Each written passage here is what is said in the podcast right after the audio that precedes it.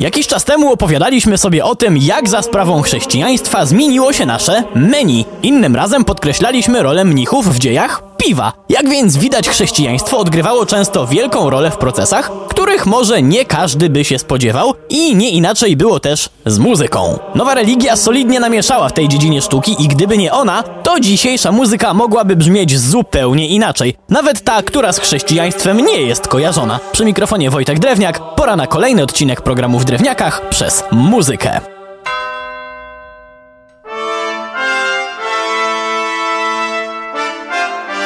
Początków muzyki chrześcijańskiej powinniśmy zacząć szukać, no okej, okay, tutaj nie będzie niespodzianek, w Biblii. W zasadzie to jest tam całkiem spora baza pieśni, albo jak kto woli psalmów, czyli pieśni wychwalających Boga. Konkretnie to 150 ich tam jest.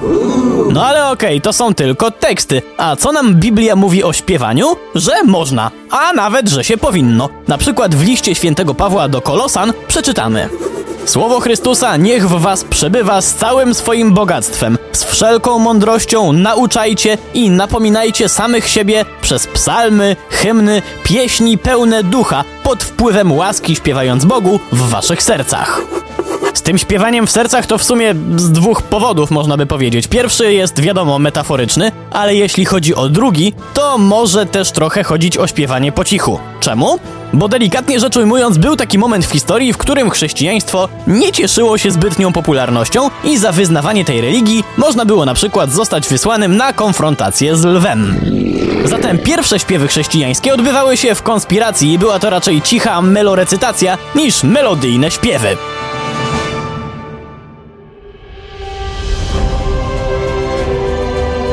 No ale okej, okay, kiedy czasy prześladowania chrześcijan minęły i niegdyś nowa religia zaczęła coraz mocniej dominować, to zaczęły powstawać nie tylko kościoły i klasztory, ale też szkoły śpiewu. Wiem, że to brzmi może mało poważnie, ale już wtedy władze kościoła uznały muzykę za bardzo ważny element wychowawczy.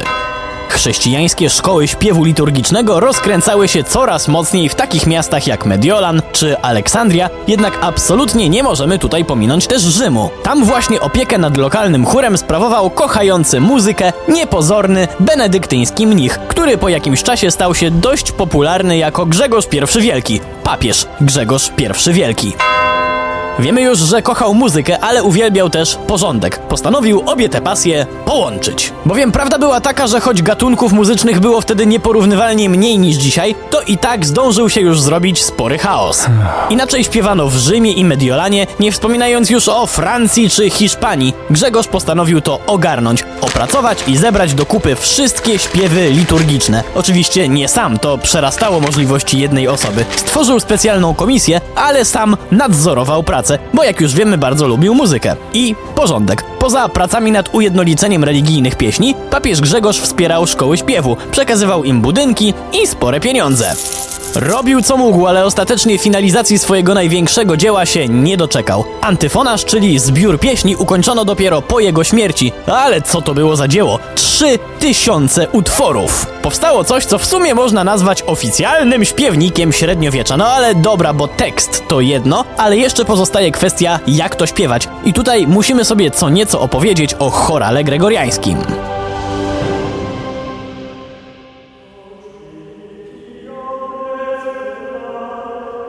Przede wszystkim musimy sobie wyjaśnić, że chorał gregoriański, czyli ta klasyczna średniowieczna forma pieśni wspomagana potężnym echem katedry, to dość spory ogólnik. Mniej więcej tak jak muzyka gitarowa. Matko, jak ja nie trawię tego określenia. Gitarowa, czyli jaka? Taka, co w niej jest gitara? Czyli pop?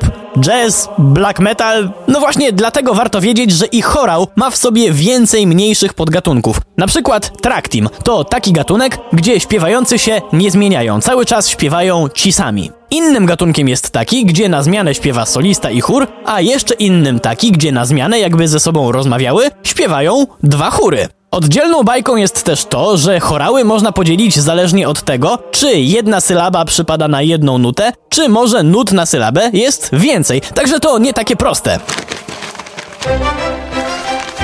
Dzieło życia Grzegorza I Wielkiego było mozolnie kopiowane i wędrowało do odległych zakątków Europy, jednak nadal były pewne różnice, jeśli chodzi o lokalne wykonania. Tak na przykład było w rodzącej się nowej potędze Francji. Kiedy w 753 roku papież Stefan II wpadł tam z wizytą, to błyskawicznie wysłyszał bardzo wyraźne różnice w pieśniach i mimo protestów lokalnych śpiewaków, razem z lokalnym władcą uznali, że no tak być nie może i wprowadzono gregoriański styl. Jednak najlepsze jest to, że chęć sprawienia, żeby wszystko brzmiało tak samo, trochę przypadkiem wywołała muzyczną rewolucję. Miało to miejsce w roku 790, kiedy to papież Hadrian I wysłał na dwór Karola Wielkiego dwóch swoich świetnych śpiewaków, wyposażonych oczywiście w gregoriańskie śpiewniki. Jednak chłopcy po drodze się pochorowali i musieli dojść do siebie u kolegów mnichów w klasztorze San Galeon. Kiedy już wyzdrowieli, to tylko jeden, Piotr, ruszył w dalszą drogę, bowiem drugi z nich, Roman, dał się namówić mnichom na pozostanie i uczenie ich śpiewu. Nikt się pewnie jeszcze nie spodziewał, jak gigantyczne będzie to miało konsekwencje dla całej muzyki. Przy mikrofonie był Wojtek Drewniak. Do usłyszenia.